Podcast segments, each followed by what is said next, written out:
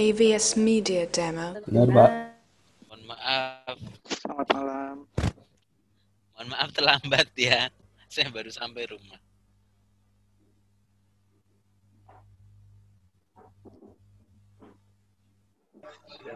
Eh, bagaimana sudah melihat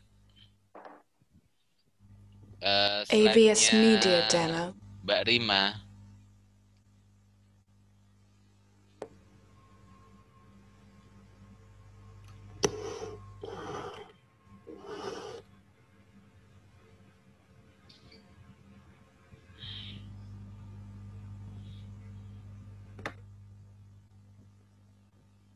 AVS Media Demo.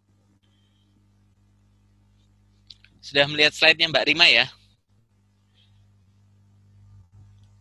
Eh, presentasi di YouTube-nya Mbak Rima sudah melihatnya? Sudah ya. Ada komentar?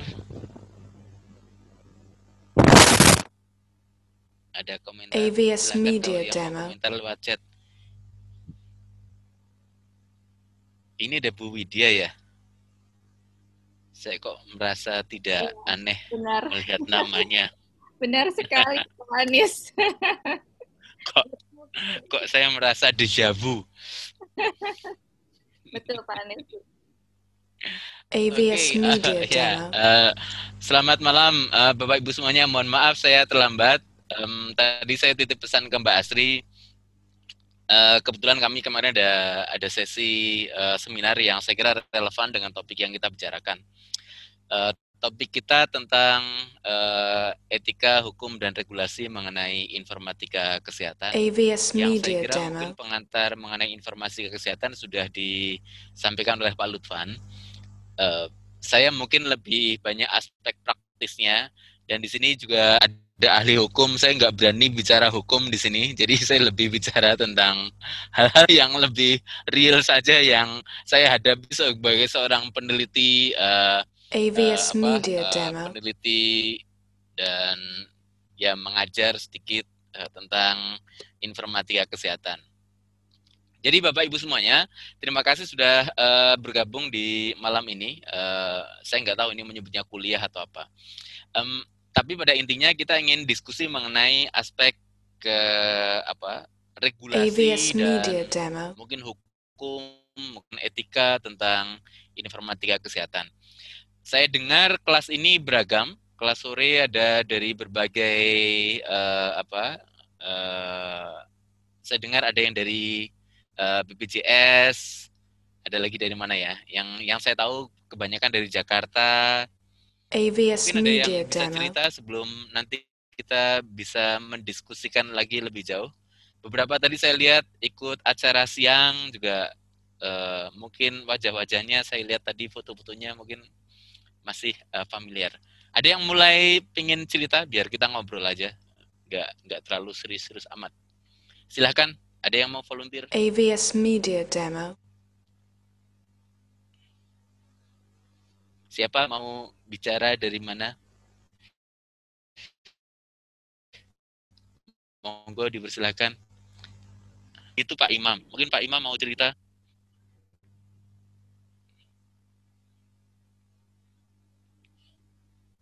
AVS Media Demo. Masih muted Pak Imam, Siap, silakan. Iya, masih mute. Siap, siap. Siap. dong. Gimana, Pak? Yang saya tahu Pak Imam di BPJS Kesehatan. Betul, Pak. Kalau teman-teman dari BPJS Kesehatan ada berapa yang ikut ya Pak Imam?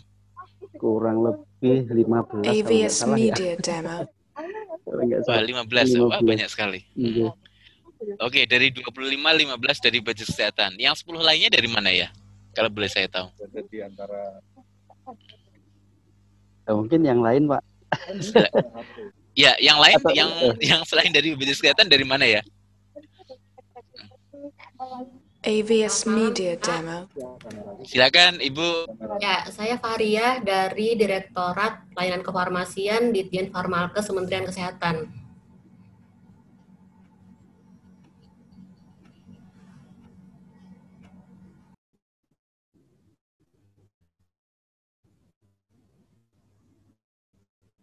AVS Media kelihatannya Demo. eh, akan relevan dengan teman-teman di Farmalkes.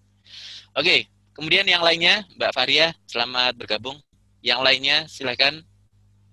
Ada yang mau eh, apa, Izin mungkin ngobrol saya aja bebas. Nanti saya mulai. Silakan. AVS Media silakan, Demo. Ibu. Pak Anies ini dengan Ya. Pak Anies. Kalau saya di Income Marison Associates uh, PR agency sebenarnya, tapi latar belakang saya hukum.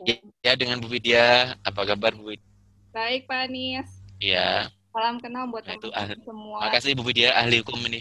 Ya, selamat malam buat teman-teman semua. AVS Media Demo. Oke, yang lain? Ada lagi yang pengen ngobrol? Selamat malam Pak Anies. Silakan. Iya, eh, saya Aan Swanti dari Dinas Kesehatan Kota Yogyakarta, Pak. Beberapa kali mungkin ketemu tapi mungkin lupa ya. Eh, Mbak An. Iya, di beberapa Ye. acara. Ye. Ye. Izin bergabung Pak Anies. Ye. AVS Wah, Media saya senang sekali kalau bergabung. Ini ketemu banyak teman, banyak saudara. Nanti biasanya saya merasa kalau ketemu dengan eh, teman-teman, ini eh, saya recharge. Eh, recharge bacaan, recharge pengalaman.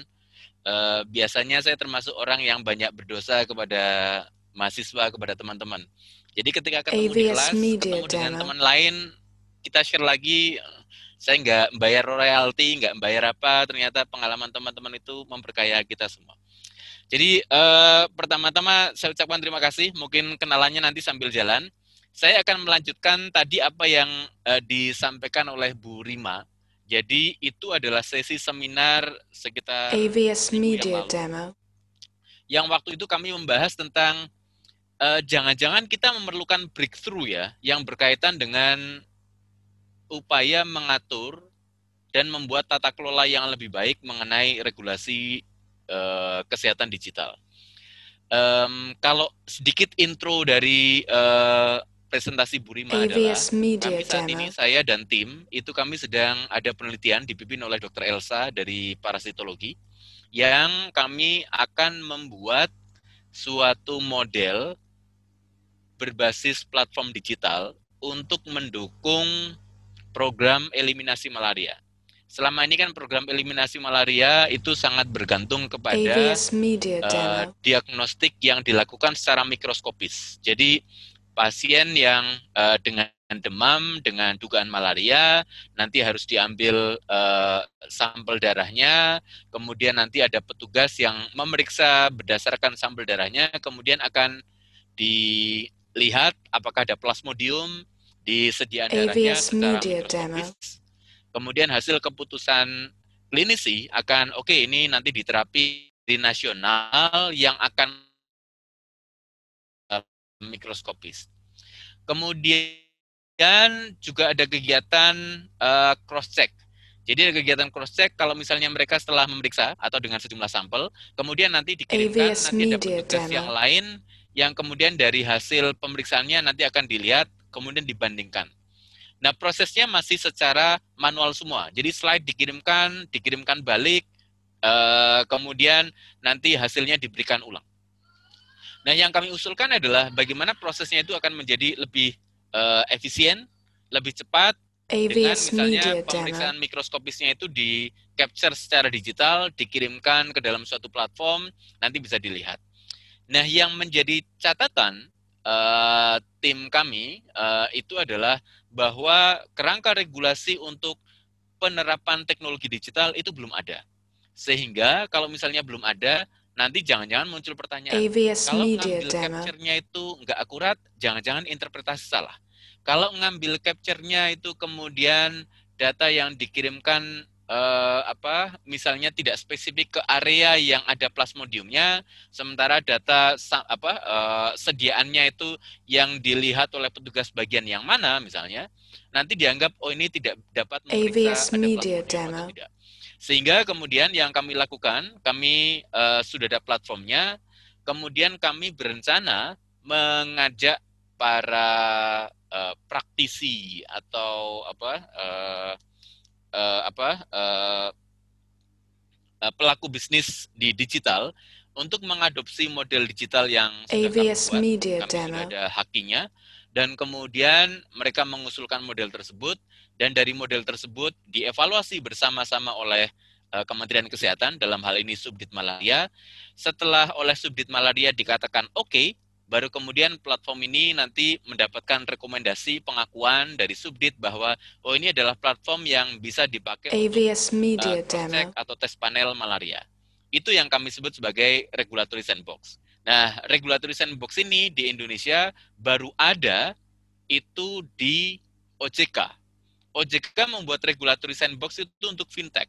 Jadi fintech sebelum mereka mendapatkan pengakuan dari OJK, mereka harus menyediakan uh, platformnya untuk diuji, dites, kemudian mendapatkan evaluasi dari OJK, sampai kemudian OJK mengatakan, oh ini confirm, ini comply kepada aturan regulasi tentang pembayaran, dan mereka setelah uh, lolos baru kemudian tersedia di lapangan. Nah, kenyataannya di Indonesia ada sekian apps kesehatan, telemedicine, yang kemarin misalnya Halodoc mengatakan saat ini jutaan orang menggunakan. Itu semuanya mungkin nanti bisa cerita juga. Itu belum ada yang mengevaluasi dari Kementerian Kesehatan dari sisi apakah aman atau tidak. AVS Media Demo. Kalau ada risiko itu bagaimana? Kemudian jika ada komplain penanganannya bagaimana? Itu sampai sekarang belum ada aturannya. Jadi eh, yang sudah ada berbagai platform itu baru diatur oleh peraturan Kominfo. Mereka terdaftar sebagai penyelenggara sistem elektronik di Kominfo. Nah, itu yang AVS Media mungkin eh, menjadi latar belakang kalau misalnya teman-teman nanti eh, tadi sempat mengikuti atau melihat YouTube-nya Mbak Rima. Nah, dari sini sebenarnya pertanyaan yang mungkin saya ajukan kepada teman-teman untuk kita diskusi adalah apakah di era ketika orang bicara eh, Industrial Revolution 4.0 AVS atau Media misalnya Demo. eh,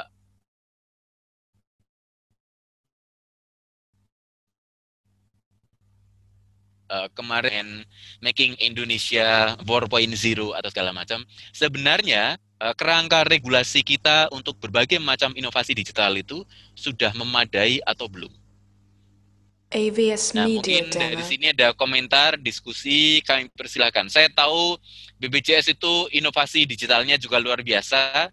Kemenkes juga sudah mencena. Mungkin kalau hari ini ada yang teman-teman dari platform atau mereka yang juga sudah punya platform juga hadir, silahkan berkomentar. Pertanyaan saya adalah, do we have sufficient AVS Media Demo. governance system for health so far?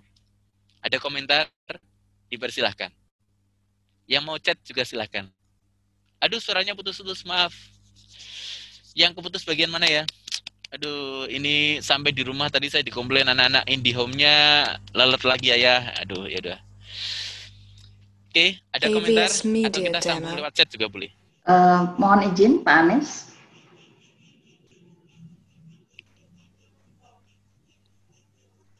Ya, putus-putus Pak Anies. Moga silakan. Iya, Ya, ya. iya, iya, oke. Puskesmas di Kabupaten Sleman.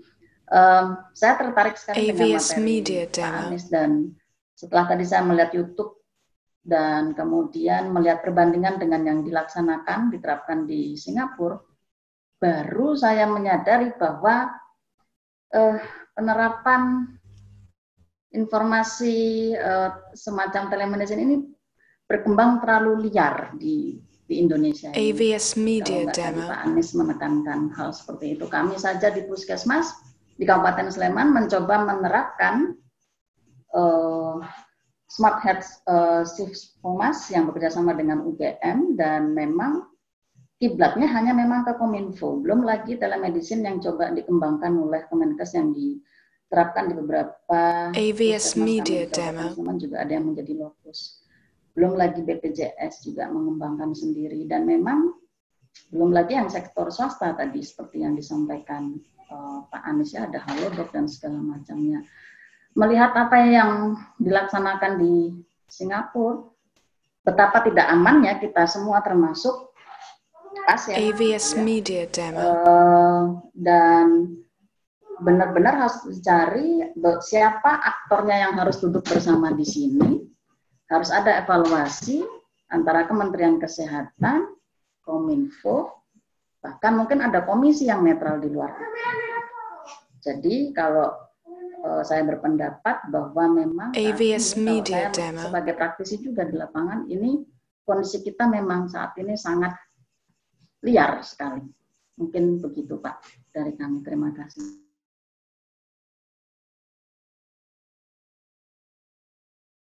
Terima kasih Mbak Seruni. Ini wah ini eh, baru kali ini saya mendapat eh, AVS Media. Demo.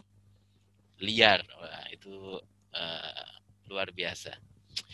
Oke, ada komentar yang lain menarik nih. eh, komentarnya Mbak Seruni bahwa kita sangat maju, tapi mungkin jangan-jangan ada ad- orang menyebutnya ada kebablasan kayak atau apa yang lain. Nah, ini termasuk ini. Saya kemarin Media dapat email dari. WHO. Waktu itu saya ditanya, uh, uh, how is the situation in Indonesia uh, during pandemic? Uh, is there any innovation on digital health? Kemudian saya cerita apa adanya. Saya cerita bahwa Kemenkes ada MOU dengan sekian startup, kemudian penggunaan uh, telemedicine meningkat segala macam. WHO jawabannya apa? Wah, Indonesia contoh yang bagus. AVS Media Nah, Demo. berarti yang liar itu bagus jangan-jangan Mbak Seruni ya? Gimana Mbak Seruni? Ini katanya mau dituliskan, mau dijadikan kuotasi dalam satu publikasi WHO uh, beberapa bulan ke depan. Uh, Kira-kira semakin liar semakin bagus atau bagaimana? Ada komentar mungkin yang lain? AVS Media Demo. Atau ada yang nggak setuju dengan Mbak Seruni? Ini mungkin bukan liar, ini eh, apa? Ini inovasi yang eh, apa eh, apa mel- menyebutkan bahwa eh, apa eh, AVS Media aturan Demo. kita yang memang mungkin agak konvensional. Ide telemedicine sudah ada, tapi aturan kita yang eh, belum maju kali. Atau bagaimana? Mungkin ada perspektif yang lain? Dipersilakan. Oh ini ada chat juga. Mungkin saya mau menunjuk Mbak Widya nih yang ahli hukum. AVS Media Demo. Baik. terima kasih Pak Anies atas kesempatannya dan terima kasih kepada Bu Seruni eh, yang mengatakan yang memancing untuk kita berkomentar tentang liar. Yang menurut saya sebenarnya em, liar itu persepsi ya, persepsi karena keadaan. Tetapi sebenarnya eh, hukum di Indonesia itu masih kepada positif AVS legalistik di mana bahwa hukum di Indonesia itu em, hanya melihat kalau kita melihat dari tata aturan cara pembuatan perundang-undangan itu masih hanya menempatkan em, peraturan-peraturan itu selalu jadinya reaktif terhadap suatu keadaan. Sementara perkembangan teknologi AVS itu Media sangat Demo. cepat dan eh, terkesan bahwa memang jadi teknologinya tuh udah lari duluan sementara peraturan memang belakangan dan itu memang kenyataan yang ada apalagi ditambah keadaan seperti sekarang ini dan keadaan pandemi ini semakin eh, mempercepat mempercepat ketertinggalannya antara Media peraturan dengan perkembangan teknologi. Makanya kita mengenal kalau misalnya bisa dilihat dari presentasinya Dr. Rima Risma itu adalah adanya em, konsep hukum progresif di mana di situ hukum adalah eh, suatu alat sebenarnya yang bukan menjadi eh, tujuan dari eh, kita membuat suatu peraturan. Yang selama ini kan AVS Media dan peraturan-peraturan di kita itu kalau bisa dilihat dari sisi sanksi-sanksi juga sangat em, hanya konservatif ya, hanya sanksi hukuman, denda, penjara gitu. Padahal kalau dilihat secara global ada berbagai sanksi-sanksi hukum yang bisa diterapkan nggak cuma terbatas kepada itu aja. Dan ini juga melihat AVS Media perkembangan Demo. em, dari sisi kesehatan juga perkembangannya luar biasa. Tetapi memang aturan di Indonesia ini masih sangat terpaku seperti tadi saya bilang adalah positif legalistik yang sangat terpaku dengan um, koridor-koridor birokrasi, prosedur, undang-undang itu sangat-sangat kaku dan itu yang memang harus di AVS um, Media didobrak. Demo. Terus terang uh, saya hadir pada saat uh, webinar untuk uh, yang malaria itu Pak Anies. Jadi saya juga mengikuti dari awal sampai akhir. Dan saya karena saya memang tertarik di Oke. Ya. Gitu. Oke, makasih Mbak Widya. Ini ini sekedar anu, sekedar apa? eh eh, mungkin AVS Media eh, Demo. apa? Epetit ya. Eh, kami lagi mau menyelenggarakan apa FGD berikutnya. Kita mau mengundang ahli hukum. Ada ahli hukum yang alirannya positif dan ahli hukum yang alirannya mungkin eh, apa cenderung ke arah eh, ya progresif. Nanti eh, kita lihat kira-kira kita ke arah mana. AVS Kami Media mungkin Demo. nanti tak sampaikan ke Mbak Rima. Eh, Mbak Widya mungkin jadi salah satu anu, Boleh, boleh. salah satu Ada- panelis muka-muka. Ada lagi juga yang pemberdayaan masyarakat jadi engineeringnya juga juga ada social uh, engineering juga ada aliran ke situ juga menarik sih Oke, ya, oke, menarik. Menarik, oke. Ini jadi kalau misalnya kita bicara hukum, saya kira biar kita punya perspektif yang Media luas, tidak hanya nonton ILC yang tiap eh, malam mungkin rame. Saya kira diskusi semacam ini juga saya kira menarik. Oke, ini ada komentar dari Mbak Rizky. Mbak Rizky bilang bahwa eh, karena semua masih eh, menggunakan pendekatan fisik, eh, sehingga perlu eh, apa, misalnya katakanlah eh, ketika AVS Media apa, Demo. secara eh, proses pelayanan kesehatan masih menggunakan eh, metode yang saat ini ada. Kalau misalnya belum diatur batasan hukumnya dan payung hukumnya mungkin akan ya mungkin akan eh, kesulitan. Termasuk misalnya eh, resep misalnya. Mungkin ada komentar Mbak Rizky bisa cerita lebih lanjut. AVS Silakan. Media Demo. Kalau eh, izin Pak, eh, kalau menurut saya sih Silakan Mbak Rizky. Kalau menurut saya sih sebenarnya kemajuan teknologi ini juga eh, harus dimanfaatkan juga sih dengan eh, Iya. dengan karena merupakan peluang gitu. Cuma memang itu tadi mesti diperhatikan batasannya seperti apa. Karena kalau misalnya pemeriksaan AVS pemeriksaan Media Demo. yang sangat erat kaitannya dengan eh, pelayanan kesehatan, tentu saja sebenarnya eh, apa masih yang membutuhkan eh, berhadapan langsung gitu kan. Jadi memang mesti dipilah yang mana yang bisa diakomodir dengan eh, penggunaan eh, apa namanya AVS penggunaan Media pelayanan kesehatan digital yang mana yang tidak sebenarnya. Karena kan sebenarnya kalau eh, itu juga bisa mempersingkat waktu. Kalau di negara-negara lain seperti mungkin di Eropa bahkan eh, juga sudah mengarah ke sana. Bahkan em, apa juga bisa seperti di Indonesia yang sudah mengimplemat, im- mengimplementasikan Halodoc. Cuma memang AVS Media yang Demo. perlu di apa yang perlu dibahas lebih lanjut dan perlu dibuatkan payung hukumnya adalah batasannya seperti apa itu sih Pak.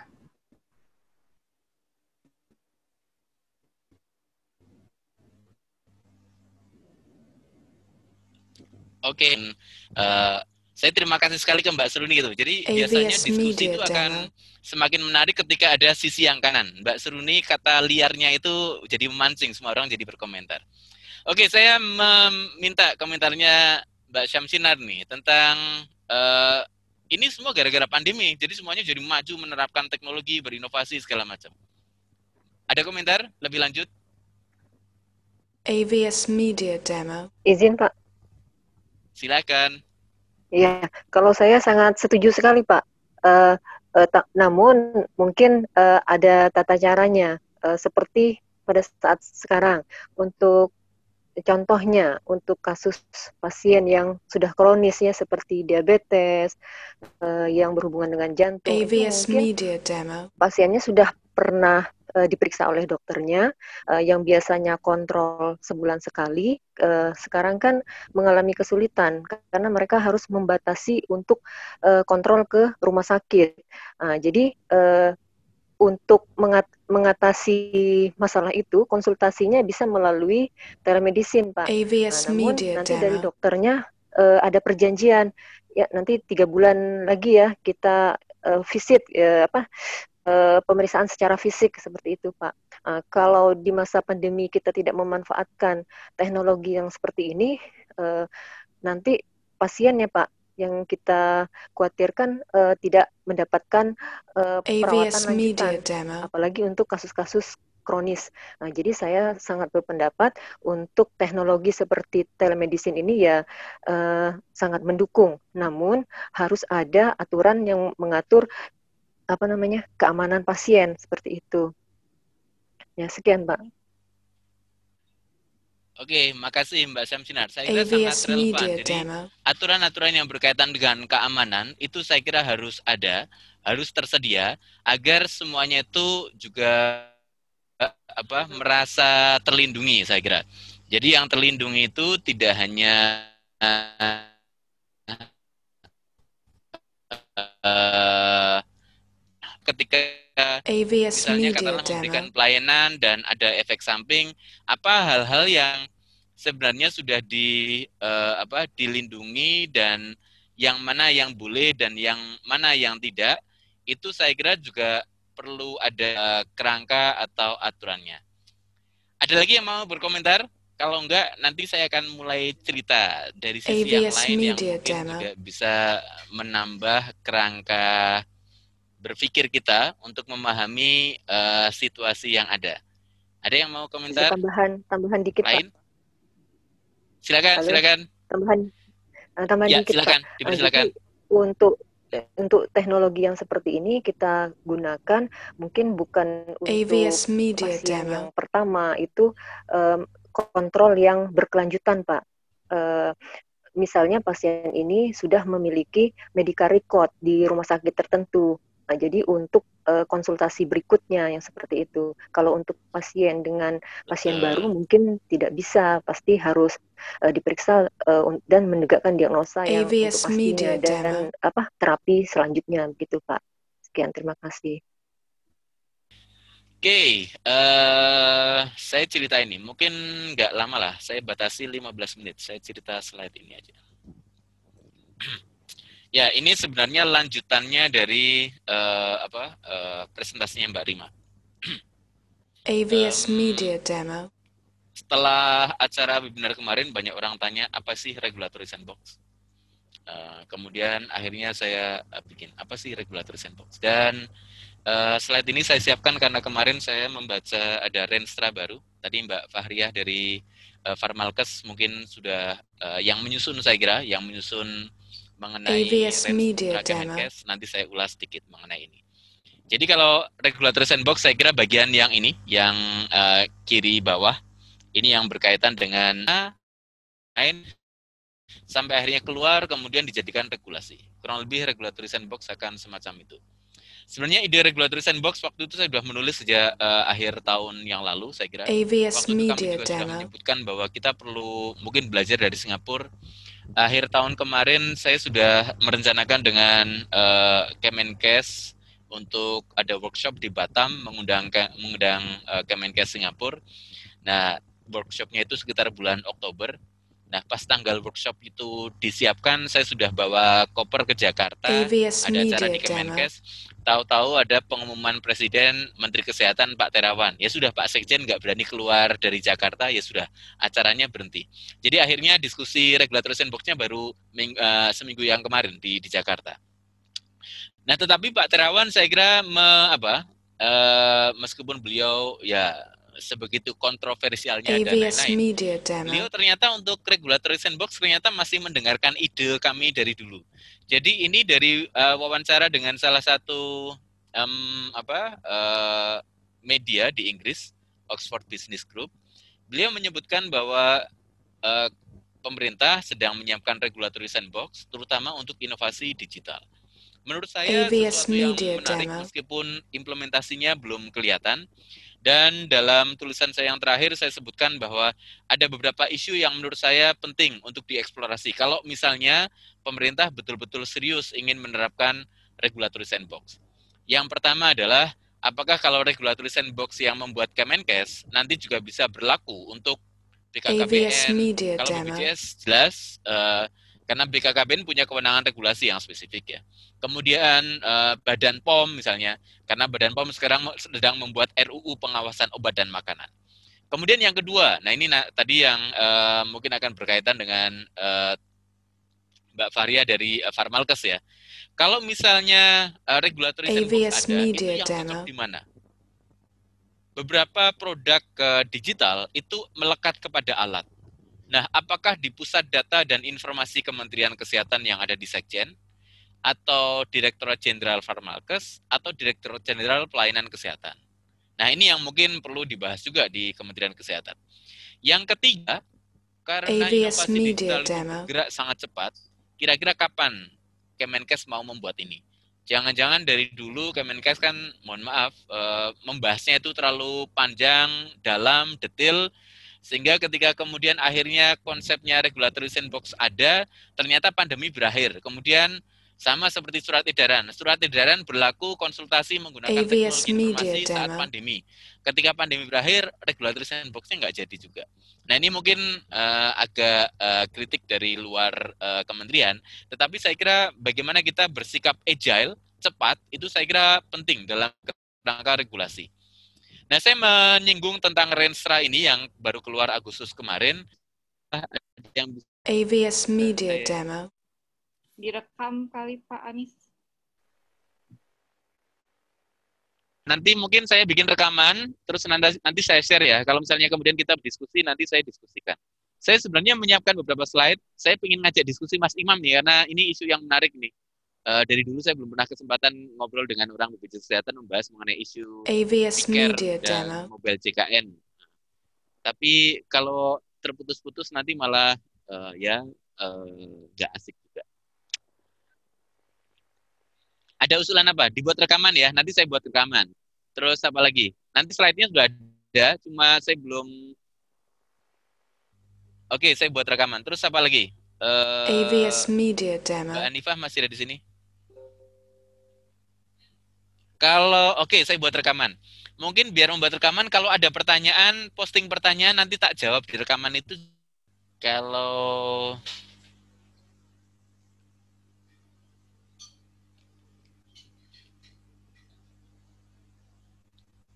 AVS Media Demo. ini saya slide-nya saya simpan dulu, saya kirimkan aja ya buat teman-teman ya. Buat dibaca kalau ada hal-hal yang pengen ditanyakan nanti.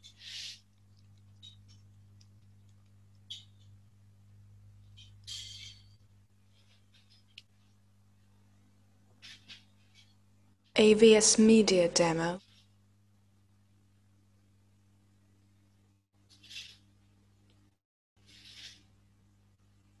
Oke, siap. Saya catat pengaturan eh, digital health di negara lain. Nanti saya masukkan. Ini yang termasuk menarik adalah eh, berkaitan dengan eh, perlindungan data pribadi. Karena hal-hal yang berkaitan dengan perlindungan data pribadi kita AVS baru mulai Media tahun ini. Demo. Tetapi negara lain sudah cukup lama tentang pelindungan data pribadi. Yang menarik berkaitan dengan pelindungan data pribadi itu termasuk adalah European Union. European Union itu di sana termasuk yang diatur tentang bagaimana data eh, kesehatan antar negara itu juga diatur meskipun mereka punya traktat eh, European Union. Yang menarik di tempat kita adalah bagaimana kalau misalnya AVS kita Media menggunakan pendekatan serupa itu untuk ASEAN. Ini yang belum ada yang membahas. Nah, tapi kalau di Uni Eropa itu juga sudah membahas tentang aturan jurisdiksi itu juga sudah diatur. Kalau Amerika kan jelas karena negara federal ya. Jadi antar negara bagian itu aturannya bisa beda-beda. Di tempat kita saya kira susah karena kita meskipun eh, apa ada otonomi AVS pemerintah Media daerah, Demo. tapi ada kewenangan yang sama, termasuk misalnya berkaitan dengan kewenangan eh, misalnya perizinan kesehatan itu meskipun ada di dinas kesehatan, tapi eh, secara umum aturan eh, apa eh, kita masih di Kementerian eh, Kesehatan di tingkat pusat itu masih sangat kuat. Eh, ada lagi yang nanti tak masukkan. AVS Media mungkin yang eh, apa yang akan saya share dulu saya kira eh, PowerPoint-nya nanti saya share dulu aja ya.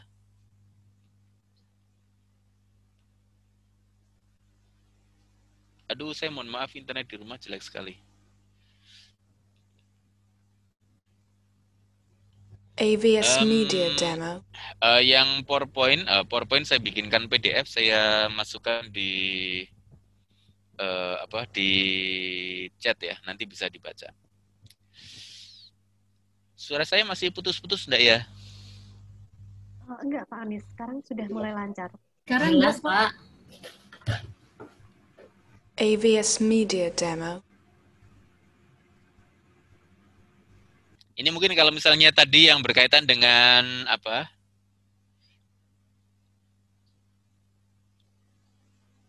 Wah, pertanyaan keren. Sejauh mana urgensi dan ini sendiri? Melihat, oke, terus, AVS Media Demo. oke, saya catat ya. Nanti biar saya masukkan. Ya, ini eh, eh, ada slide yang mungkin saya tunjukkan. Eh, di American Medical AVS Media atau Demo. ID-nya Amerika, mereka membuat telehealth implementation playbook. Jadi kalau di tempat kita itu ya kayak eh, pedoman praktek klinis telemedicine lah atau telehealth. Memuat 12 tahapan. PDF-nya ada, nanti saya share. AVS Jadi Media tahapan Demo. itu mulai dari mengidentifikasi kebutuhan, membentuk tim, kemudian eh, menentukan langkah-langkah eh, apa implementasinya, memilih mitra atau vendor, kemudian membuat eh, apa case atau eh, area atau fokus yang spesifik untuk telehealth-nya. Kemudian bekerja sama dengan mitra atau yang AVS lain atau kalau misalnya mereka mengembangkan sendiri juga bisa. Kemudian fase implementasi, jadi merancang workflow-nya, alurnya. Tadi pertanyaan, apakah pasien baru, apakah hanya untuk pasien lama, sementara pasien baru tidak? Padahal kenyataannya ada case tertentu yang pasien baru pun orang ngirim gambar, orang jadi tahu diagnosisnya apa misalnya. Kemudian eh, eh, mempersiapkan tim, AVS Media dengan pasien, mengimplementasikan, mengevaluasi keberhasilan dan eh, perluasan. Nah, eh, playbook semacam ini, panduan semacam ini yang menurut saya itu perlu kita buat. ID pernah membuat kajian tentang telemedicine, tapi bukan playbook, bukan kayak semacam pedoman Media klinis atau apa sejenisnya semacam. Dan playbook ini perlu dibuat oleh asosiasi, oleh ID, kemudian spesifik asosiasi juga saya kira berkepentingan. Jadi sebagai contoh misalnya, em, di Amerika memang sudah ada layanan yang namanya telestroke.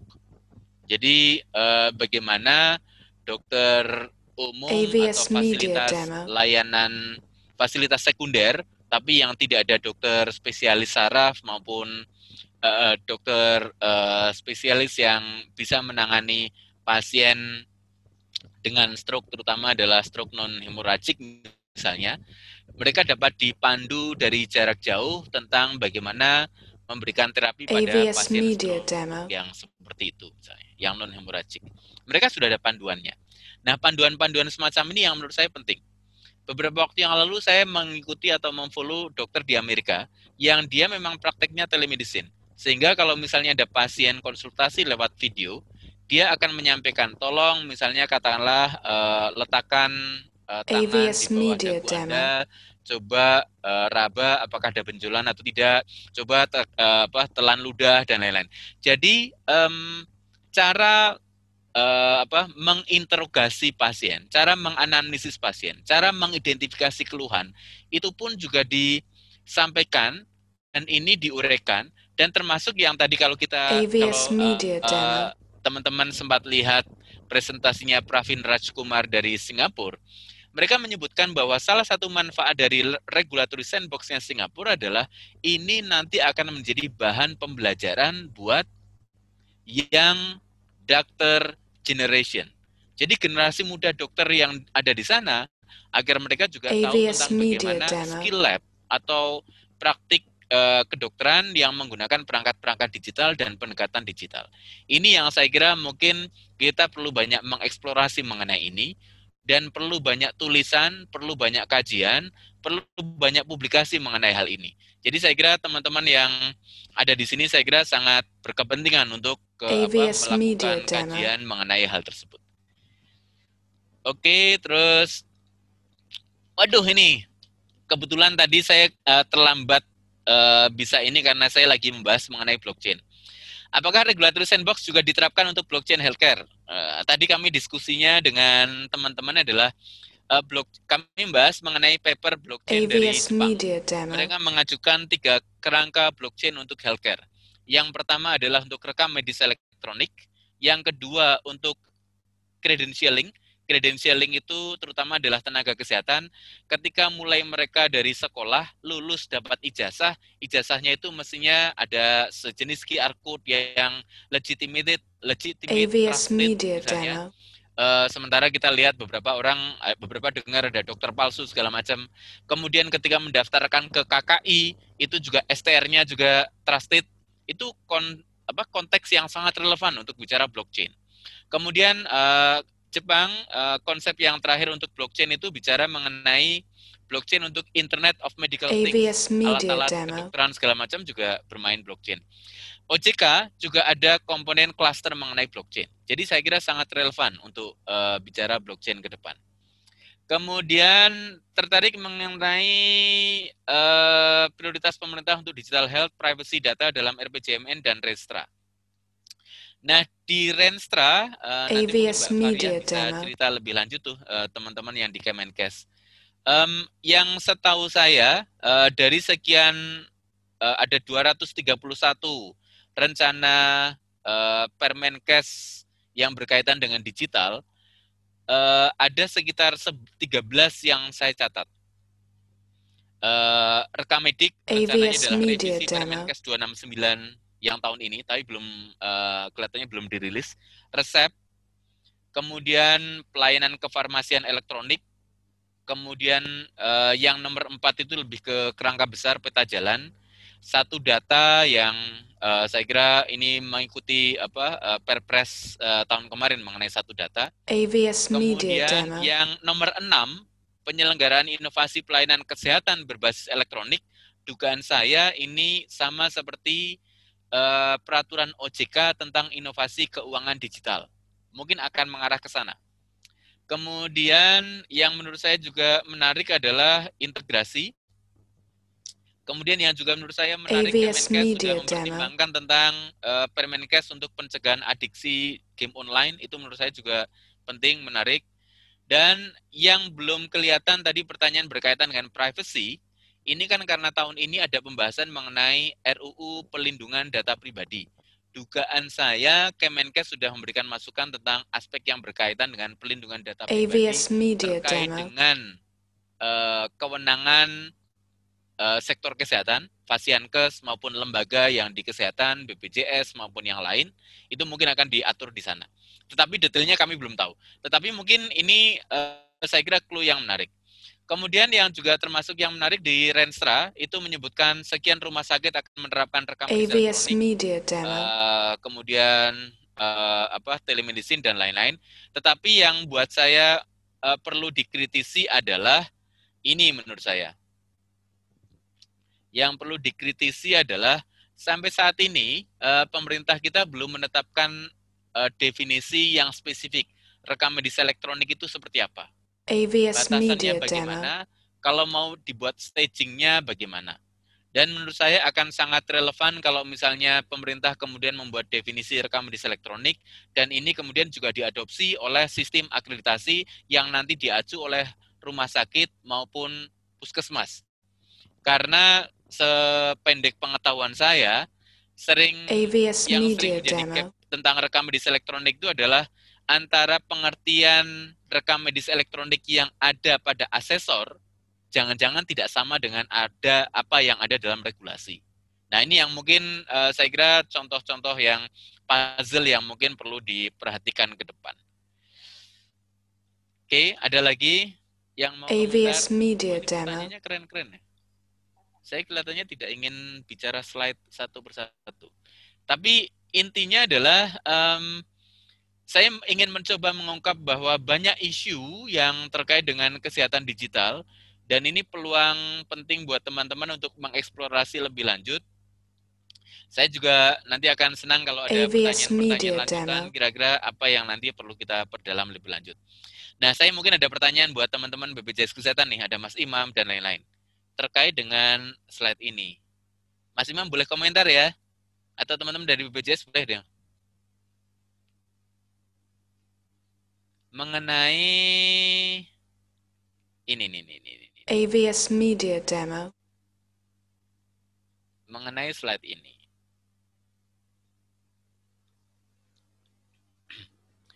Uh, saat ini kan di Indonesia orang sudah uh, dari sekitar 22 ribu uh, fasilitas kesehatan tingkat pertama, um, kabarnya sudah 89 persen lebih yang sudah AVS Media Demo masih ada sekitar 11% yang karena internet kayak tadi di rumah saya juga lemot segala macam sehingga uh, atau memang listrik juga nggak ada sama sekali uh, akhirnya masih menggunakan kertas baru di akhir bulan berkasnya itu dibawa ke kantor BPJS di kota kecamatan dientrikan misalnya. Nah, um, AVS mungkin Media uh, saya ingin mendapatkan komentar dari teman-teman BPJS.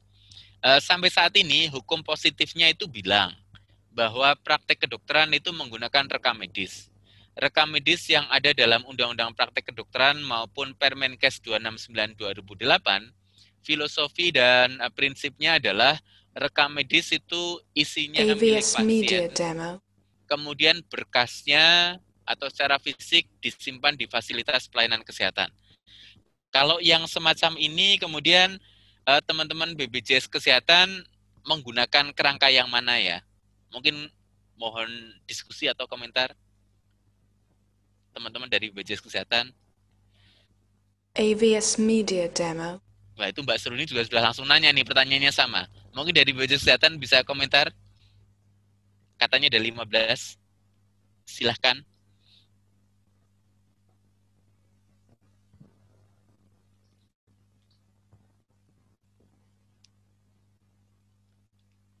Monggo siapa yang mau berkomentar? AVS Media Demo.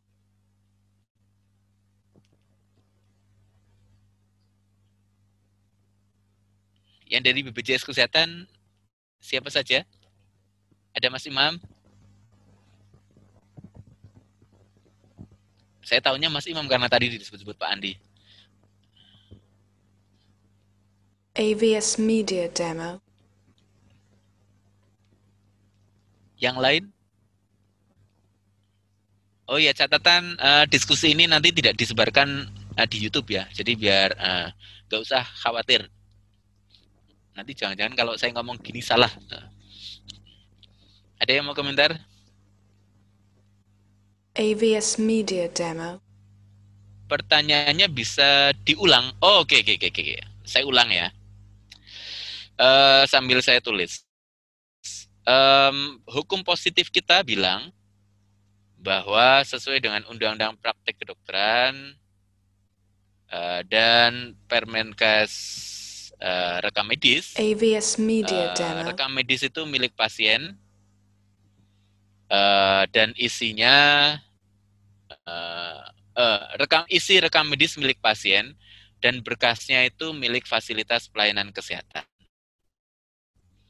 Nah, Uh, tadi kan kita melihat ada piker yang sekarang sudah dipakai oleh uh, hampir 90% AVS Media di Indonesia. Uh, data ada di sana anamnesis, ada diagnosis, ada pengobatan. Um, itu kan secara uh, apa uh, fisiknya kan elektronik dan itu kan juga tidak di fasilitas pelayanan kesehatan uh, eh, AVS Media Demo. Kira-kira BPJS menggunakan kerangka yang mana ya untuk uh, mengatur tata kelola piker? Mungkin itu komentar saya atau pertanyaan saya. Ada yang mau berdiskusi?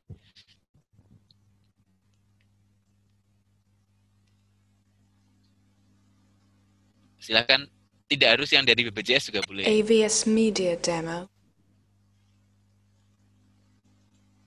Uh, izin Pak, maksudnya yang dimaksud dengan kerangkanya kerangka gimana ya Pak ya? Ya, kerangkanya itu misalnya gini.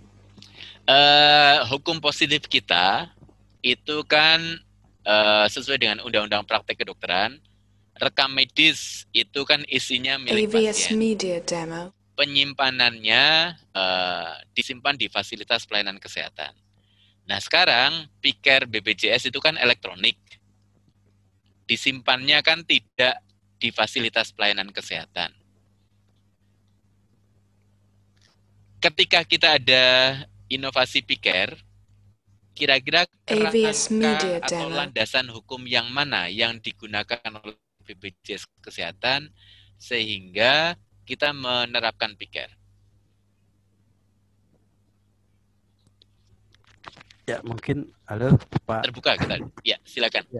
Eh, izin eh, Oh. mungkin Ya, silakan. gambaran saja eh, bahwa AVS Media eh, Demo. sebenarnya kalau rekam medis itu tetap adanya di eh, terkait dengan piker itu ada di eh, FKTP. Nah, tetapi yang masuk ke BPJS ya. itu bukan rekam medis sebenarnya, tetapi eh, Media informasi Demo. yang eh, apa untuk mencatat kunjungan misalnya. Seperti itu. Itu mungkin Pak. Bu Oke, Kiki mungkin makasih Pak menambahkan. Imam. Siap. Mungkin ada la- yang lain mau menambahkan, dipersilakan. Izin Pak Anies. Disilakan Iya, Mbak Nunggi. Saya mungkin eh, dari KPM AVS Media Demo. Ah, begini, jadi untuk proses verifikasi itu sebenarnya ad- memang ada berkas medis pasien, tetapi bukan rekam medis bentuknya.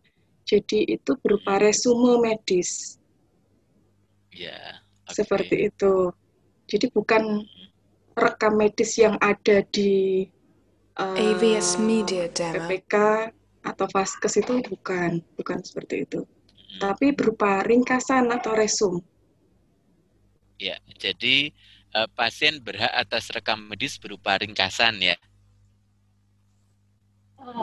Izin Pak, Ya, oke. eh, mungkin menambahkan dari Mbak Mungki tadi. AVS Media eh, Demo. Kalau aplikasi Pikir itu kan biasanya kita untuk eh, penggunaannya untuk di FKTP, di mana kita ada klaim rawat inap, maksudnya, yang memang kita verifikasi itu bu- bukan rekam medisnya, eh, resume medis. Hanya saja jika misalnya AVS Media kita Demo. memerlukan konfirmasi lebih lanjut terhadap pengklaiman yang diajukan Vaskes, itu kita bisa meminta untuk menunjukkan rekam medis atas nama pasien tersebut. Gitu, Pak. Oke. Demikian. Oke. Makasih Mbak Batari. Menarik ini diskusinya. Ada yang mau berkomentar lain? Silakan. Media Demo. Boleh izin menambahkan Pak. Eh, jadi Silakan Mbak Rizky ya. Jadi kalau eh, seingat saya itu di dalam peraturan presiden bahwa BPJS Kesehatan itu wajib eh, menjamin pelayanan kesehatan sesuai dengan regulasi gitu ya Pak ya. Iya. Nah, Iya. kalau dengan regulasi itu kan kita juga AVS Media Demo. memang eh, apa sesuai dengan haknya. Nah itu eh, kemudian sesuai dengan sesuai dengan atas atas indikasi medis gitu kan. Kemudian sesuai dengan prosedur pelayanan kesehatannya. Nah Ya. sebenarnya di Ya. eh, tertuang semua kan ada di dalam pencatatan kesehatan si pasien tersebut yang eh, Ya. memakan berkas AVS Media Demo. kesehatan. Nah mungkin itu Ya. Yang mendasari. Kemudian eh, menambahkan juga dari teman-teman tadi sampaikan bahwa di dalam perjanjian kerjasama antara BPJS Kesehatan dengan seluruh fasilitas kesehatan yang bekerja sama dengan BPJS Kesehatan itu ada klausa yang menyebutkan bahwa eh, untuk untuk nanti AVS Media teman-teman. Jadi untuk men- Ya. apa namanya eh, untuk kepentingan tertentu sebenarnya BPJS Kesehatan itu bisa eh, mem- melihat rekam medisnya gitu kan rekam me- medis Ya. milik eh, pasien tersebut. Nah mungkin Ya. di perjanjian kerjasama tersebut pun juga bisa menjadi payung hukum bahwa eh, bisa dipergunakan AVS dan itu Media pun Demo. untuk bisa untuk melihat dan itu pun sebenarnya juga dengan maksud dengan tujuan tertentu ya dalam artian tidak untuk disebarluaskan tetapi memang eh, untuk uh, kepentingan penjaminan pelayanan kesehatan. Mungkin itu Pak. Oke. Menarik. Jadi jadi ada beberapa perspektif yang tadi saya lihat diskusinya adalah yang pertama adalah Media Demo. apa definisi rekam medis itu menjadi penting. Kemudian yang kedua, apa yang boleh di-share dan yang tidak. Kemudian yang ketiga, ada aturan yang berkaitan dengan penggunaannya untuk apa. Tadi dikaitkan dengan proses verifikasi. Kemudian yang keempat, berkaitan dengan ada kontrak antara Fasiankes dengan BPJS Kesehatan. Wah, ini kalau dituliskan Demo. itu menjadi kerangka yang menurut saya sangat menarik. Dan artinya kita ada kayak semacam kajian tentang bagaimana sebenarnya mengatur kerangka eh, regulasi untuk bicara mengenai pertukaran data kesehatan secara elektronik. Kalau misalnya diskusi ini diperluas, eh, kita nanti akan bicara tentang aspek Demo. yang lebih canggih lagi. Yang lebih canggih lagi adalah eh, mungkin teman-teman BPJS eh, paham sekali bahwa ada sebagian puskesmas atau FKTP di tempat kita yang sudah melakukan bridging.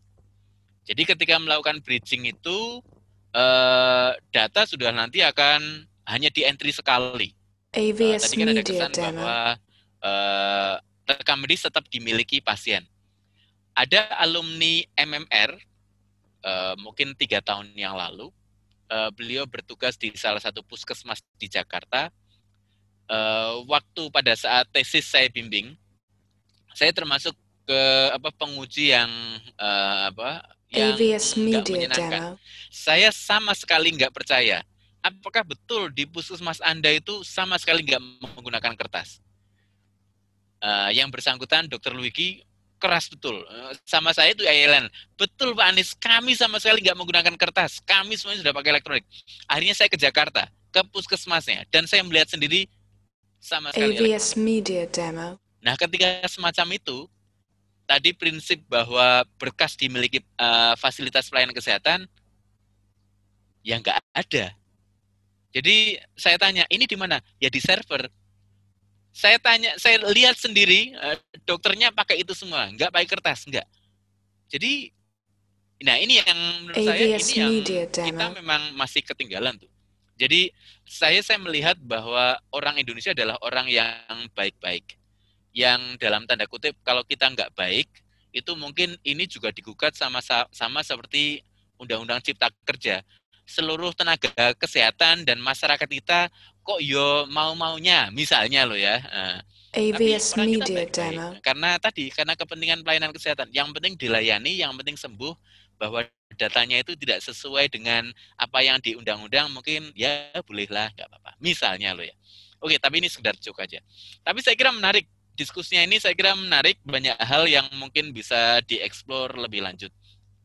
Nah tadi saya menyinggung uh, sedikit AVS mengenai Media apa yang uh, apa apa yang ada di uh, apa di BPJS Kesehatan. Saya kira ini saya kira sangat relevan dan ini kemudian kalau kita bicara tentang konteks Indonesia yang menjadi lebih luas, uh, mobile CKN sekarang orang bisa konsultasi. Jadi banyak investasi digital itu yang menurut saya itu akan berkembang AVS lewat Media eh, apa lewat kekuatan BPJS Kesehatan di masa depan. Dan oleh karena itu saya sempat ngobrol dengan salah satu teman di BPJS Kesehatan. Eh, ini juga ada teman BPJS Kesehatan, ada teman rumah eh, teman Kemenkes ya. Saya ngomongnya begini. Kalau Kemenkes nggak sempat-sempat bikin regulatory sandbox, mengapa nggak dicoba juga di BPJS Kesehatan? Kurang lebih gitu. Oke, AVS mungkin Media itu saya kira intronya. Nanti yang eh, PowerPoint lengkapnya tak bikin slide-nya nanti saya saya rekam. Ada komentar yang lain? Saya mohon maaf ini eh, diskusinya keputus-putus. Ada yang mau komentar? AVS Media Demo. Boleh izin nanya nggak Pak? Oh, silakan. Dipersilahkan. Jadi eh, menurut Bapak terkait dengan eh, rekam medis tadi gitu kan yang sekarang serba digital mm, di Iya. dibenarkan atau enggak gitu Pak? Oh, oh, kalau saya pribadi loh ya. AVS saya Media pribadi, eh, tapi jangan dikutip untuk yang lain-lain. Saya itu kalau ngajar di kelas, eh, dari ngajar D3 rekam medis sampai ngajar di IKM, itu saya bilang gini dan sampai sekarang itu alhamdulillah nggak ada yang berkelanjutan saya bilang begini e, kalau ada e, apa e, kalau ada yang mau volunteer e, ke MK AVS Media Demo peraturan BPJS Kesehatan yang pikir saya mau loh jadi uh, jadi saksi ahli saya bilang gitu dan ternyata ketawa semua uh, uh, artinya artinya ya ini ngapain sih bikin kayak ginian ini ngapain nah. tapi maksud saya bahwa um, saya kebetulan ikut tim uh, Kemenkes yang merevisi Permenkes nomor 269 AVS tahun 2008 Media tentang rekam medis. Dan saya melihat ada perdebatan yang cukup apa ya, cukup alot. Uh, waktu itu saya sudah bilang, ini mestinya kita perluas tidak hanya rekam medis tapi juga rekam kesehatan. Tapi kemudian tidak disetujui. Ya sudah tahun ini akan revisinya rekam medis uh, ada komponen elektronik tapi ya AVS Media Demo. Nah ini tadi akan menyinggung ke hal-hal yang tadi hukum positif karena di hukum positif itu bilangnya adalah yang di undang-undang praktek kedokteran masih nyebutnya rekam medis. Ngapain ada usulan rekam kesehatan? Saya sudah bicaranya mengenai rekam kesehatan personal, data Internet of Medical Things yang orang lari-lari ngerekam uh, oximeter segala macam, rekam tensi segala macam. Itu penting juga buat kesehatan. Sama juga seperti di mobile CKN, orang mengisi screening apakah keluarga saya ada diabetes, ada hipertensi segala macam juga. Tapi yang kita catat ya uh, adalah apa yang kita assess sendiri itu namanya rekam kesehatan. Kalau rekam medis yang mengakses biasanya adalah tenaga kesehatan yang profesional yang kompeten. AVS Media nah, Demo. Ini yang menurut saya memang banyak hal yang memang perlu kita diskusikan. Saya saya saya, saya anggap wajar bahwa uh, diskusi ini memang nggak selesai. Tetapi tadi pertanyaannya, apakah itu sebenarnya memang dalam tanda kutip agak beyond the scope? Ya iyalah. Uh, bukan bukan salahnya teknologi, AVS tapi Media karena memang Demo. yang membuat regulasi tidak cepat-cepat mengikuti perkembangan teknologi. Jadi kurang lebih semacam itu. Mungkin, wah ini diskusinya semakin ramai nih. Pak, jika rekam medis ada di Paskes, bagaimana hak pasien untuk seluruh uh, hasil diagnosa? Sejauh yang saya tahu, pasien selalu dalam posisi lemah. AVS Media. Demo. Sehingga, ya betul. Memang dalam undang-undang praktek kedokteran disebutkan isi milik pasien, tapi uh, dalam diskusi yang lain selalu disebutkan bahwa pasien itu hanya berhak mendapatkan resume. Dalam draft yang terakhir pun juga disebutkan demikian. Padahal waktu itu saya sudah tunjukkan ke teman-teman yang menyusun draft itu. AVS Media Demo. kita di mobile CKN itu tidak hanya resume. Bahkan data eh, kemarin saya tensinya berapa saat berkunjung, anamnesisnya seperti apa. Dokter ketika mengisikan itu, dokter di piker, dia tidak membuat resume lagi. Apa yang ada dalam piker itu nanti akan ditarik. Mungkin ya, AVS Media teman. Demo. Tidak ada kolom yang spesifik resume dan hal yang lain kemudian dihilangkan. Tidak. Nah ini kan artinya eh, apa? Ada masih ada eh, ketidaksepakatan. Yang dimaksud resume apa? Kemudian eh, resume itu apakah interpretasi AVS ulang Media dari data Demo. yang sudah ada atau data yang sudah ada akan kita sebut resume jika memuat tensi, memuat vital sign, memuat diagnosis cukup misalnya. Dan treatment misalnya cukup misalnya. Nah, ini kan kita belum ada kesepakatannya. Jadi saya kira masih banyak peluang untuk mendiskusikan apa sih yang disebut sebagai resume secara praktis AVS maupun Media dari sisi eh, eh, hukum ya. Oke, ada lagi yang mau komentar? Eh, mohon izin Pak. Pak. Silakan, Mbak An. Ya, eh, ini saya cerita pengalaman saja ya Pak. Pas banget belum lama sebenarnya tadi saya juga mau menanyakan terkait dengan eh, rekam AVS Media ini Demo. sejauh mana kewenangan untuk bisa akses karena kebetulan eh, kebetulan saya eh, tugas saya terkait dengan pelayanan primer dan rujukan. Jadi memang kalau di eh, di Jogja memang mitra mitra kami adalah BPJS. Eh, belum lama, kira-kira belum ada satu minggu ini, itu memang ada beberapa hal yang AVS Media Demo. Terkait dengan permintaan permintaan untuk eh, review ya review eh, utilisasi review terkait dengan audit seperti itu yang diminta dari Vaskes, tapi memang minta dalam bentuk scan. Nah, saya memang agak uh, karena mungkin ini uh, kita diskusikan karena uh, mungkin ada sedikit pemahaman yang berbeda. Kalau saya AVS berpegangan Media pada Demo. uh, Permenkes 269 tahun 2008 di mana memang rekam medis ini adalah kewenangan uh, haknya pasien akan tetapi memang disimpan di Vaskes lah. Uh, pertimbangan pertimbangan kami pada waktu itu adalah uh, kami ingin melindungi semuanya, artinya untuk Vaskesnya sendiri, AVS kemudian Media Dinas Kesehatan dan juga BPJS. Artinya kalau pasien yang bersangkutan itu tidak terima, mungkin kalau ada pasien yang tahu lah, ini kan uh, pikiran kami kan jauh sampai ke situ. Akan tetapi uh, memang uh, disampaikan bahwa dasarnya adalah MOU dengan FKTP. Tapi sebetulnya kalau kita cermati lagi, kalau pemahaman saya di MOU itu ter- tertulis bahwa AVS Media uh, Demo. sesuai memang ada ada kata-kata klausul membuka uh, rekam medis tapi sesuai dengan perundang-undangan yang berlaku lah. Perundang-undangan yang berlaku ini saya pahami sebagai uh, permenkesnya rekam medis ini sehingga kita kembalikan ke sana seperti itu. Jadi uh, kalau kalau resume sih sebetulnya kita tidak masalah. Cuman kalau kalau dalam Media Demo.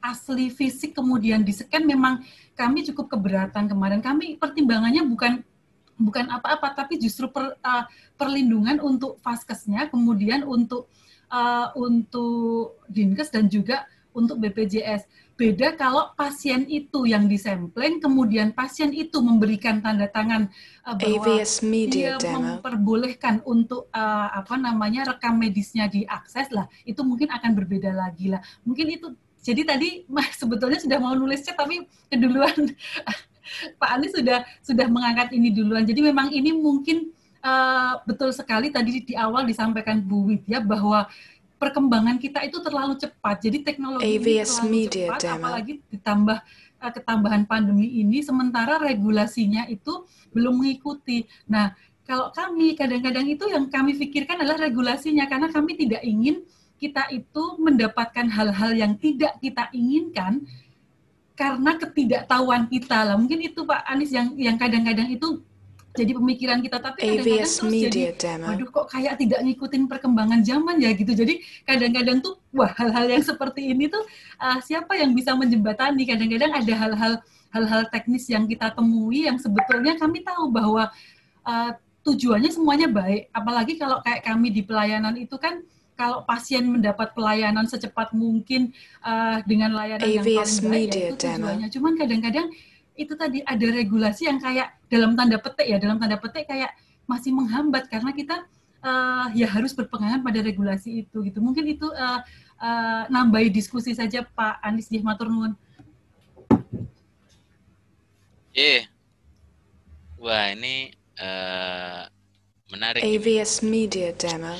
Satu, saya mungkin akan mau menjawab sedikit tentang eh, hal-hal yang mungkin agak teknis atau saya melihatnya itu dulu mungkin waktu nulisnya itu agak nggak gitu jelas. Jadi coba nanti cek ke peraturan pemerintah nomor 46 tentang sistem informasi kesehatan, kalau nggak salah pasal 40 atau 45 ya. Yang di sana itu menyebutkan tentang em, fasilitas pelayanan kesehatan Media dapat Demo. menggunakan eh, rekam medis elektronik. Tetapi rekam medis elektronik tidak boleh terintegrasi dengan fasilitas pelayanan kesehatan lain. Kemudian eh, di ayat yang sama di pasal tersebut adalah bahwa namun eh, rekam medis elektronik harus memiliki eh, interkonektivitas dengan AVS yang Media lain. Demo. Jadi ada ambigu yang yang apa ambigu yang apa tidak begitu jelas.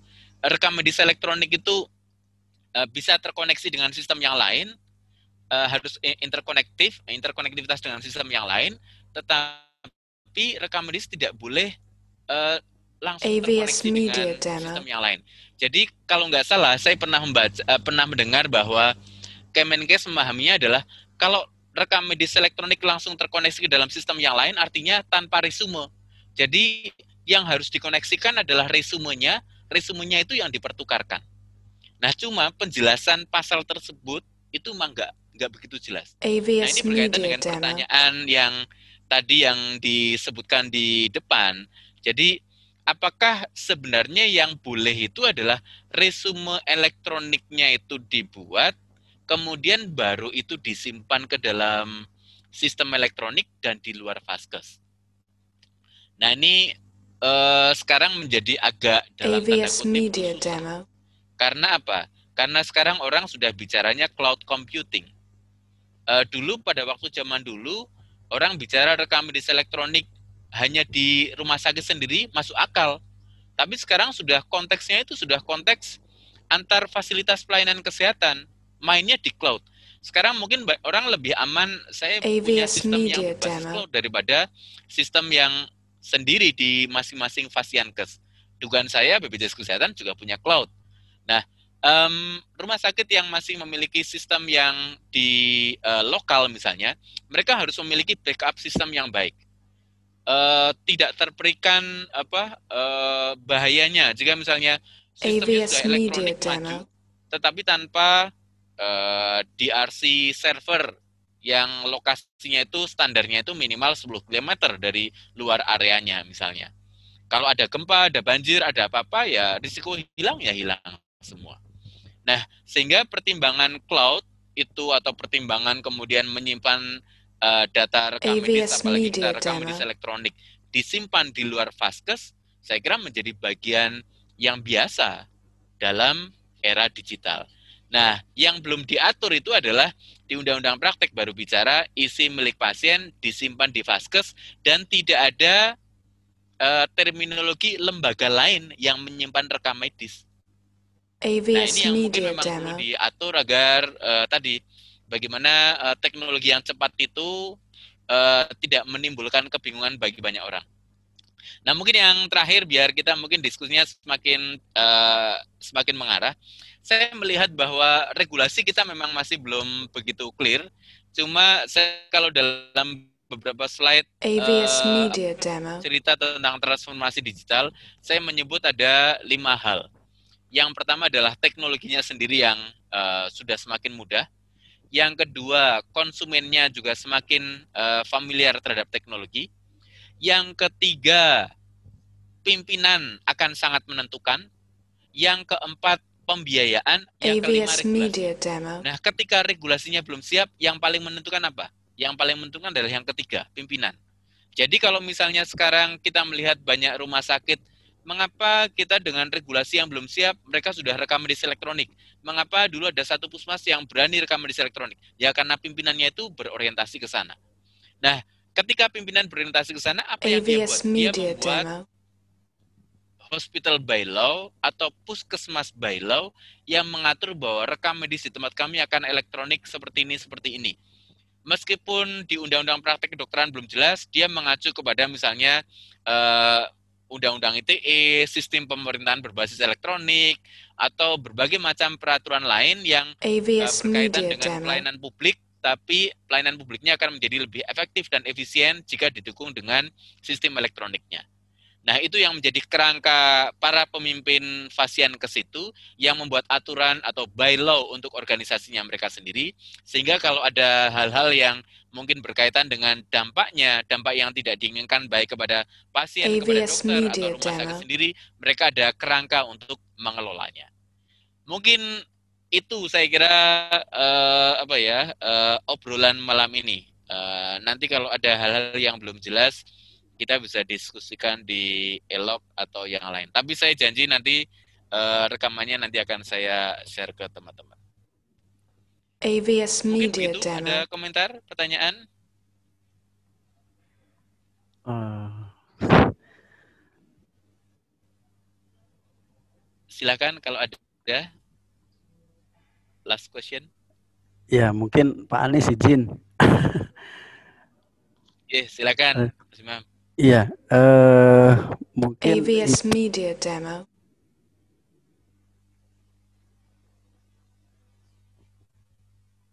Terputus Mas Imam.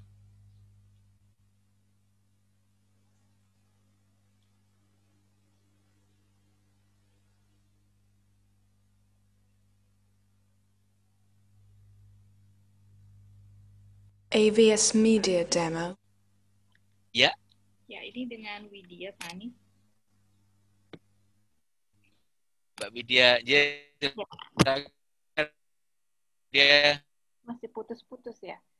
Bisa terdengar ya? Baik. Um, Udah, silakan. Ya. Jadi kalau tadi AVS Media Demo. Anies yang mengatakan bahwa transformasi digital ini bisa dilakukan kalau pimpinannya ya kuncinya ada di pimpinannya dan membuat aturan di dalam hospital bylaw uh, yang saya coba pikirkan dan telah lebih lanjut adalah sebenarnya kan kalau isi dari rekam medis adalah hak pasien dan apakah di AVS dalam Media uh, Demo. hospital bylaw ataupun di dalam P-care yang dilakukan oleh BPJS itu sudah ada konsen dari pasien yang menyatakan bahwa uh, mereka tahu bahwa uh, rekam medisnya tidak akan disimpan uh, di di dalam uh, sarana pelayanan kesehatan, tetapi juga akan disimpan AVS diberikan Media lain. Jadi ini me- menganut kepada hukum kontrak atau perdata yang uh, balik lagi paling tidak undang menjadi undang-undang kesepakatan dari para pihak sehingga um, kalaupun terjadi adanya suatu kasus hukum uh, maka um, konsen dari si pasien tersebut Media menjadi Demo. landasan bagi institusi uh, yang menyatakan bahwa sudah ada kesediaan dari pasien. Ini yang mungkin saya bisa tanyakan kepada teman-teman di BPJS ya. Terima kasih. Cocok. Cocok sekali Mbak Widya. Saya jadi teringat eh, waktu diundang eh, apa eh, seminar dengan teman-teman PPI Australia. Eh, waktu itu AVS slide saya tentang Demo. PICARE. Setelah slide saya tentang PICARE, saya tunjukkan eh, My Health Record-nya Australia. My Health Record-nya Australia, secara fungsi bayangan saya itu hampir seper- hampir mirip seperti PICARE dan yang sekarang bisa diakses melalui mobile JKN. Tetapi ada yang beda. Yang beda adalah sekitar dua tahun yang lalu sebelum Australia itu merilis AVS My Media Health Demo. Record sebagai eh, apa eh, layanan untuk menyimpan rekam medis eh, warga Australia dan bisa diakses melalui eh, apa perangkat digital. Mereka membuat keputusan nasional yang namanya opt-in opt-out. Jadi ada tenggat waktu tertentu AVS Media masyarakat Demo. yang berkeberatan bahwa datanya disimpan dalam rekam medis My Health Record, dia boleh pilih opt-out. Nah, bagi yang tidak berkeberatan nanti opt-in. Nah, di tempat kita kebetulan nggak ada. Kita yang ada itu orang boleh, eh, misalnya orang boleh download mobile JKN AVS Media atau tidak. Demo. Tetapi kalaupun kita tidak mendownload mobile JKN, ya datanya tetap tersedia dalam versi elektronik, bisa diakses mana saja. Dan itu yang menurut saya juga, eh, saya pernah eh, ke salah satu puskesmas, ini juga mungkin eh, berkaitan dengan security, mungkin perlu didiskusikan. Em, kalau misalnya kita menggunakan eh, apa, AVS Media eh, di Demo. puskesmas misalnya, eh, orang datang ke puskesmas, misalnya katakanlah, saya kebetulan pas KTP saya hilang.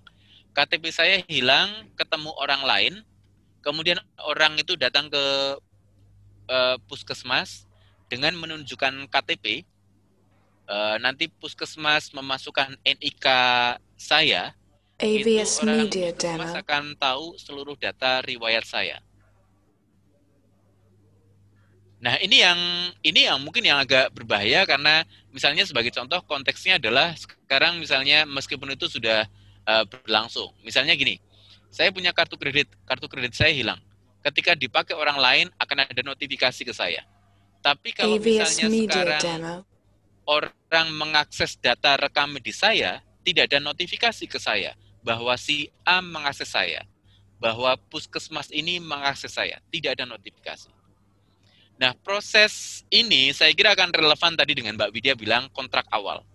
Nah, ini mungkin akan menjadi semakin lebih detail ketika kita bicara tentang pelindungan data pribadi. AVS Nah, tapi Media mungkin Demo. diskusi sekarang akan menjadi semakin intens. Kalau misalnya mahasiswa ingin diskusi, bikin aja forum tentang bagaimana prospek pelindungan data pribadi untuk PICARE, Mobile JKN, dan area-area yang lain.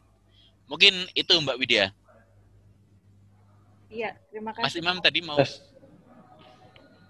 Tes tes. Ya, silakan Mas Imam. Tadi ke AVS. Media Terima Demo. kasih Pak Anies. Eh, memang kalau kita lihat eh, dari apa namanya Permenkes 269 itu kan sebenarnya rekam medis adalah eh, berkas yang berisi catatan dan seterusnya ya. Eh, kemudian kalau kita Ya. lihat juga Ya. di apa namanya eh, Perpres 87 la- eh, apa Perpres AVS 82 Media itu Demo. disebutkan untuk kepentingan pembayaran biaya pelayanan kesehatan maka BPJS dapat meminta rekam medis bahkan rekam medis di situ eh, berupa ringkasan rekam medis dan seterusnya. Nah, oleh karena itulah makanya yang kita provide adalah rekam medis. Nah, dari rekam medis itu tentu tidak AVS misalnya, Media Demo. eh, apa namanya kalau rekam medis itu kan misalnya gambaran eh, apa eh, grafik jantung itu kan ada di situ yang tadi mau di scan dan seterusnya. Kalau ini eh, lebih kepada eh, ringkasan dan kalau di FKTP berupa elektronik dan eh, kalau di apa namanya FKRTL AVS Media eh, Demo. sekarang sudah eh, dokum apa namanya rekam medis yang elektronik itu yang elektronik. Nah, Ya. kemudian kalau tadi disebutkan misalnya eh, vaskes lain sebenarnya BPJS itu bukan vaskes sebenarnya.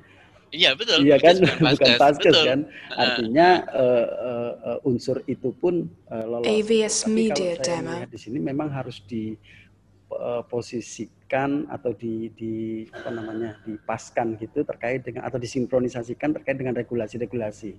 Nah terkait dengan perubahan teknologi yang cepat memang eh, regulator dalam hal ini mungkin eh, kita pemerintah eh, wabil khususnya Kementerian Kesehatan memang harus cepat AVS Media Demo.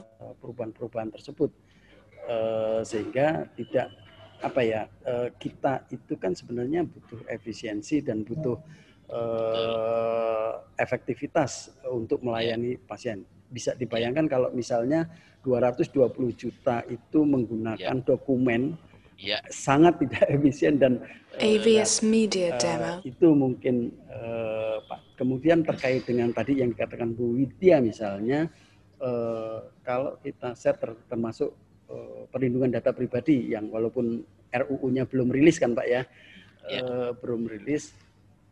Di samping ada kesepakatan kita dengan pasien bahwa datanya, tetapi yang lebih penting AVS Media Demo. penyalahgunaan dari data tersebut. Itu. Kalau disalahgunakan misalnya nih, misalnya untuk eh, apa namanya datanya untuk kartu kredit yang tadi. Nah, itu sudah eh, termasuk penyalahgunaan eh, dari data tersebut. Kalau di sini di Perpres misalnya disebut untuk kepentingan pembayaran. Just Ya. itu. Tetapi kalau misalnya nanti AVS ada Media Demo. dari BPJS terkait dengan itu, nah mungkin itu masuk ke data perlindungan pribadi. Ya. Mungkin itu Pak Anies. Ya. Nah ini menarik nih diskusinya itu bisa akan sangat panjang, tapi saya kira tetap menarik. Orang-orang hukum itu kan sama seperti ILC itu diskusinya dari maghrib selesainya tuh subuh misalnya. Itu kan sangat bisa sangat panjang. Jadi saya kira wajar. Jadi tadi misalnya berkaitan dengan eh, kebetulan BPJS bukan vaskes, jadi tidak apa tidak dalam cakupan itu. Itu salah satunya. Kemudian diskusi yang lain adalah misalnya berkaitan dengan eh, tadi misalnya jenis kelembagaan juga yang menurut saya yang juga eh, menarik itu berkaitan dengan eh, apa eh, AVS kontrak ya. Media Demo. Eh, tadi kan Mbak Widya udah menyebutkan mengenai eh, kontrak ke waktu awal.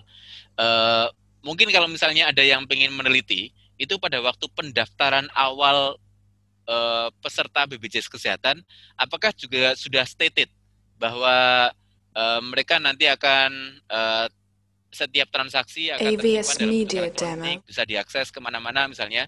Nah ini juga saya kira akan menarik karena eh, ini saya kira juga melandasi proses pelayanan yang ke depan. Nah, yang saya tahu mungkin beberapa concern itu ketika kita download mobile JKN, itu kan ada concern berkaitan dengan mobile JKN-nya. Nah, tetapi kalau misalnya kemudian yang tadi contoh misalnya katakanlah ada orang AVS eh, Media menemukan Demo. KTP, eh, kebetulan KTP ini adalah calon gubernur atau yang ikut pilkada atau anggota DPR. Nah, kemudian KTP-nya itu ketemu, dipakai oleh petugas puskesmas, memasukkan NIK, bisa ketahuan kalau dulu dia sempat eh, ada penyakit tertentu misalnya, AVS atau apa yang lain sehingga menimbulkan stigma atau eh, menjadi pencemaran nama baik misalnya. Nah, ketika misalnya ini terjadi, ini yang salah itu adalah yang punya sistem BPJS Kesehatan atau fasilitas pelayanan kesehatan karena mereka tidak mengawasi petugasnya atau individunya si petugas kesehatan yang dengan ceroboh. Nah, ini nanti akan bisa menjadi diskusi yang yang menarik yang saya kira nanti eh, tergantung apa eh, pengacaranya mau milih yang disalahkan siapa. Oke, eh, waduh kelihatannya kok diskusinya semakin ramai semakin malam ya. Ada komentar lain? Eh, tadi saya sudah menyebutkan last question, tapi kalau ada yang AVS Media Demo. nggak ada, Selamat malam Pak Anies. Monggo selamat malam. Iya, saya ingin menanggapi yang terkait pertanyaannya Bu Widya mengenai kontrak awal dengan pasien ya Bu. Eh, jadi untuk pelayanan pasien CKN itu kalau untuk di AVS rumah Media sakit atau Demo. FKRTL untuk pertama kali mendaftar itu biasanya pasien akan mendapatkan eh, SEP atau surat eligibilitas peserta. Nah, eh, kalau misalnya detail di situ ada klausul bahwa yang berbunyi seperti ini, Bu. Saya menyetujui BPJS Kesehatan menggunakan informasi medis pasien jika diperlukan. AVS Media Di Demo. dalam SEP tersebut sudah ada klausul bahwa pasien itu eh, bersedia jika menggunakan informasi eh, informasi medisnya untuk keperluan eh, BPJS Kesehatan. Jika eh, pasien setuju, maka di situ di SEP-nya eh, pasien atau keluarga dipersilakan untuk menandatangani AVS Media SEP Demo. tersebut. Seperti itu mungkin masukan apakah secara hukum sudah kuat atau bagaimana mungkin dapat masukan dari Pak Anies atau Bu Widya atau mungkin teman-teman. Terima kasih. Wah, menarik nih. Eh, mungkin mau nanya, kalau itu kan SEP itu kan di fasilitas kesehatan rujukan tingkat lanjut ya. Kalau yang AVS mengakses Media FKTP seperti apa? Jadi pertama kali daftar dan dia juga menggunakannya hanya untuk di puskesmas. Itu dilindungi dalam SEP-nya kan di level rujukan. Iya betul, kalau untuk SEP di level rujukan Pak Anies. Kalau di FKTP, AVS Media Demo. kalau di FKTP mungkin pada waktu pendaftaran awal ya, ada statement semacam itu enggak? Aduh maaf kalau untuk FKTP saya kurang tahu Pak Anies. Ya mungkin dari teman-teman nggak apa-apa. Bapak Oke, yang nggak apa-apa. Maaf. Iya. Iya, nggak apa-apa. Makasih informasinya Mbak Nunggi ya. Kita kan diskusi brainstorming ya. Jadi saya kira juga AVS menarik. Media Mungkin Mbak Widya mau komentar tuh kelihatannya. Ya, terima kasih Mbak Mungki untuk jawabannya. Ya, jadi kalau dirujukan ada tulisan saya menyetujui bahwa isi bisa digunakan gitu ya.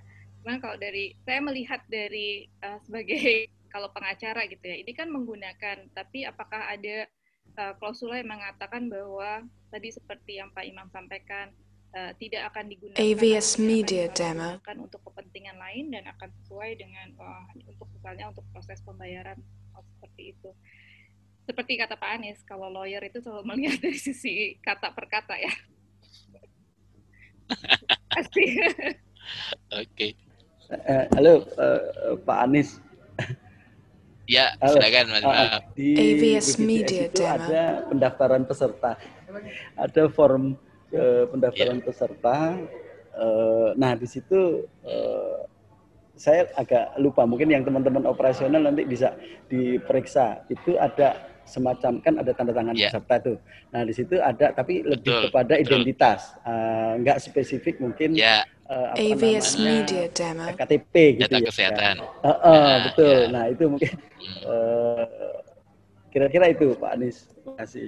Ya, oke, nggak apa-apa. Maksud saya kita memang diskusi artinya kalau misalnya dari, saya kira kalau misalnya kita diskusi di kuliah itu kan apa yang ada dalam eh, teori, apa yang ada dalam apa mungkin yang konsep, kemudian kita lihat apa yang ada AVS di Media praktek, kemudian kita bisa jadikan ini sebagai bahan diskusi, kemudian ya syukur-syukur misalnya oh sambil melihat oh ternyata di dokum ini kurang ini kurang ini. Saya kira wah ini kelas yang bagus, ada ahli hukumnya, ada teman yang tahu teknologi, ada yang tahu persis di lapangan, ada yang di puskesmas, di rumah sakit. Wah, saya kira keren sekali nih kalau misalnya mau bikin event itu saya kira AVS menarik. Media Demo. pandangnya itu luas. Semua narasumbernya dari satu kelas ya Pak. Oh iya, narasumbernya satu kelas toh, jadi toh keren toh. Setelah setelah diskusi dibukukan jadi rilis, uh, jadi policy brief atau apa, gitu kan? Atau sekarang orang modelnya bikin podcast, gitu kan? Jadi seri podcast kelas malam IKM, uh, eh, topiknya mengenai regulasi kesehatan digital. Besoknya topiknya mengenai filantropi. Besoknya topiknya mengenai penguatan SDM. Wah macam-macam. Itu sudah jadi kelas yang keren. Mungkin saya jadi ingat uh, diskusinya dengan Bu Ut sekitar dua minggu yang lalu tentang membuat tesis. Tesisnya sekarang mungkin akan lebih cocok modelnya capstone. Ini contoh kayak capstone. Topik yang menarik. Oke. Okay. AVS Media Pak, Demo. Sedikit silakan, menambahkan. Silakan Pak Anto.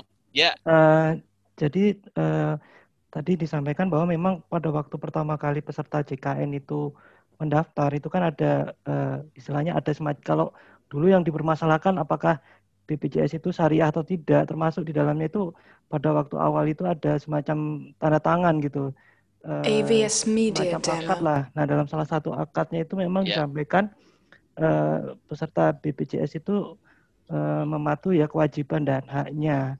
Nah termasuk di sini kan kewajiban itu kan ketika dia uh, berobat tentunya uh, termasuk identitas itu kan nanti akan menjadi uh, apa namanya di direkam di AVS Media Demo. Tadi kaitannya dengan uh, apa pembayaran juga nanti arahnya ke sana bahwa data itu kan juga digunakan oleh BPJS uh, sepanjang untuk pembiayaan. Jadi uh, arahnya ke sana ketika dia pertama kali itu sebenarnya sudah ada semacam uh, tanda tangan gitu, tanda tangan dia akan mematuhi segala peraturan gitu. AVS Media Demo. Ya, makasih. Ini uh, saya kira menarik uh, pendapat Pak Antoni. Nah, nanti mungkin uh, teman-teman yang ahli hukum yang mencermati apa pengertian uh, konsen, uh, konsen memuat apa, kemudian yang mana yang berkaitan dengan hak dan kewajiban, kemudian sedetil apa kalimat dalam konsen itu sudah cukup AVS memadai. Media Nah, itu mungkin bisa dijadikan topik didiskusikan atau dijadikan tesis itu juga saya kira menarik tuh. Iya, jadi Oke. Okay. Jadi tergelitik nih Pak Anies saya. Wah, ini saya padahal dari jauh ya menggelitiknya gimana caranya ini. Oke. Okay. AVS Media ya, kita diskusinya macam-macam. Tapi intinya saya kira saya setuju bahwa uh, tadi apa pancingan dari Mbak Seruni itu saya kira menarik sekali. Uh, inovasi itu banyak beragam. Kita kelas yang baik, macam-macam apa, macam-macam bidang Kemudian kalau misalnya mau mendiskusikan lebih lanjut juga saya kira banyak. Itu Pak Andi. Itu Pak Andi sama Pak Yusro. Dapat salah Pak Andi. Waduh, waduh, maaf. Pak Guru, mohon maaf. Ini dari pagi sampai malam topiknya BPJS terus. Pak Guru, mohon maaf. Oke, okay, uh, eh, ya kira-kira begitu. Um, ada lagi yang mau dikomentari? AVS Media Demo. Oh. baik, baik. Ya mungkin itu saja. Nanti slide saya kirimkan. Uh, nanti kita bisa diskusi lebih lanjut. Um, saya kira itu saja. Mohon maaf jika banyak kesalahan. Uh, terima kasih atas partisipasinya teman-teman semua. Moga-moga nanti kita bisa. AVS Media Demo. Satu kali lagi mungkin tentang ya topik hari ini tentang population health informatics. Ya, topiknya udah dibahas semuanya. Oke, mungkin itu saja. Terima kasih. Sampai ketemu lagi di sesi berikutnya. Uh, selamat malam. Selamat malam, Pak. Ya. Terima kasih, Pak Anies. Terima kasih. Sama-sama. Terima Pak Anies. J, sama-sama. AVS Media Demo. Terima kasih, Pak. Pak Anies. Sama, Terima kasih, Pak. Sama ya. J. Anies. Jadi konsepnya dua ini manis sama acara.